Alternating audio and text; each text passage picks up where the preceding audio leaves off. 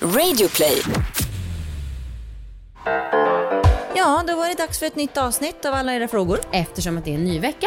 Ja, och jag heter Anna Dahlbäck. Och vad heter jag? Amanda Koldén. Tack. Och vi ska läsa upp en fråga idag som vi hoppas att ni tycker är intressant.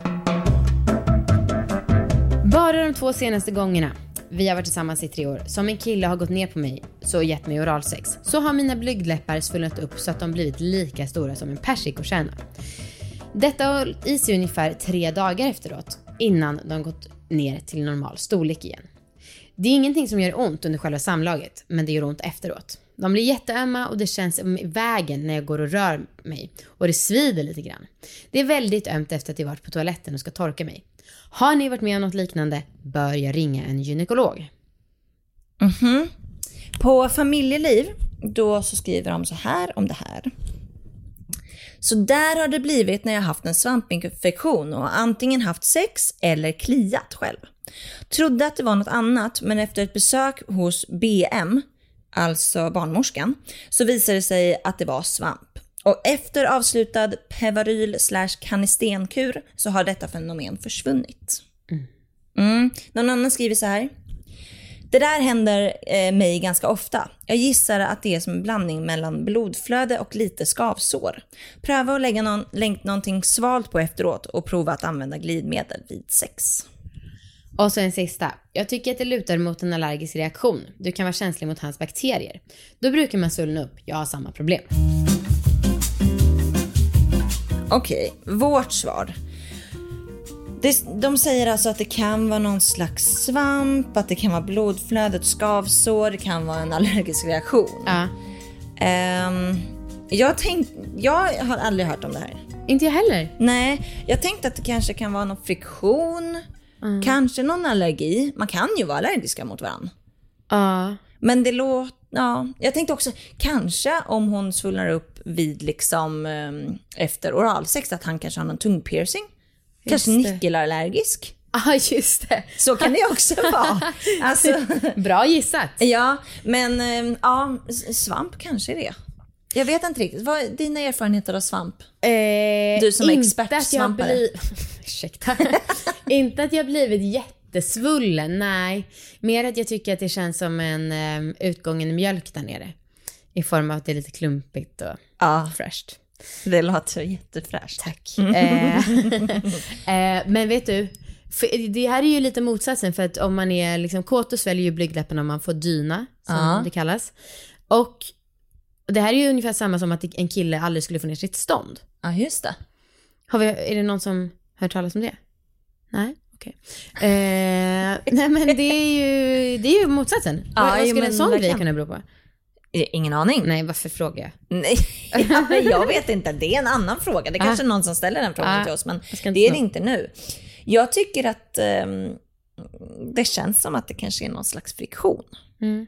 Kan, kanske kan det vara så... Gud, vad den här podden är mycket killgissande. Herregud. Ja, men jag tänker kanske att det kan vara så att ehm, han har stubb.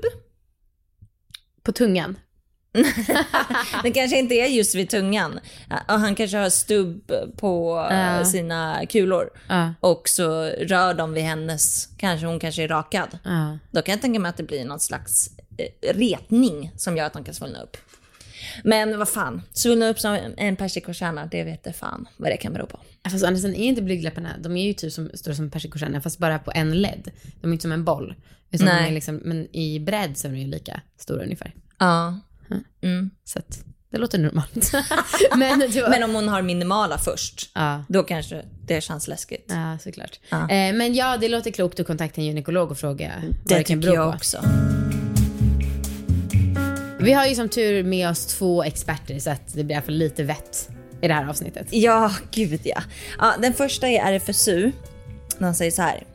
Kan det vara så att du inte är tillräckligt upphetsad och därför inte så fuktig och blöt som krävs för att dina slemhinnor inte ska reagera på friktionen?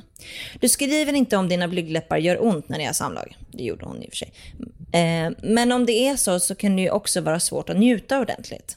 Använder ni kondom så kan det vara gummit du reagerar på. Du kan testa med extra glidmedel och skulle detta inte hjälpa så bör du kontakta läkare som kan titta på dig. Det kan vara en infektion som orsakar besvären, till exempel svamp. Du ska inte ha sveda och ont när du har samlag. Ska jag läsa den andra eh, experten också? Gör det. Okej, det är Tjejjouren. Det står så här. Du skriver att din klitoris sväller upp under sex och att svullnaden inte försvinner på flera dagar. Du frågar om det är normalt att klitoris sväller. När tjejer blir kåta så sväller och stynar hela klitoris. Det har bara en enda funktion och det är att ge njutning. Toppen av klitoris är så känslig att det kan göra ont att röra direkt vid den. Om klitoris får mycket stimulans och en inte är fuktig nog så kan de känsliga vävnaderna i klitoris orsaka svullnad och ömhet. Har du ont dagen efter du har sex? Det kan vara bra att använda glidmedel för att minska friktionen på klitoris. Tjejer i puberteten har ofta, ofta större klitoris än äldre kvinnor.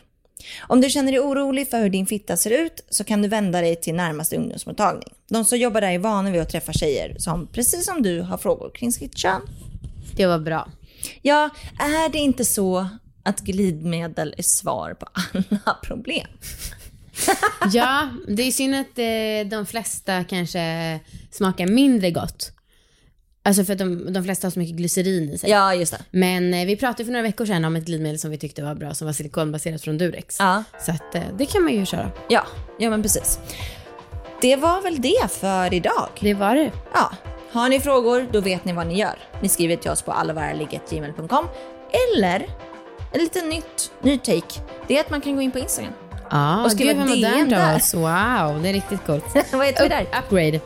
Alla varalig. Ja, enkelt. Bra. Mm. Hejdå! Hej.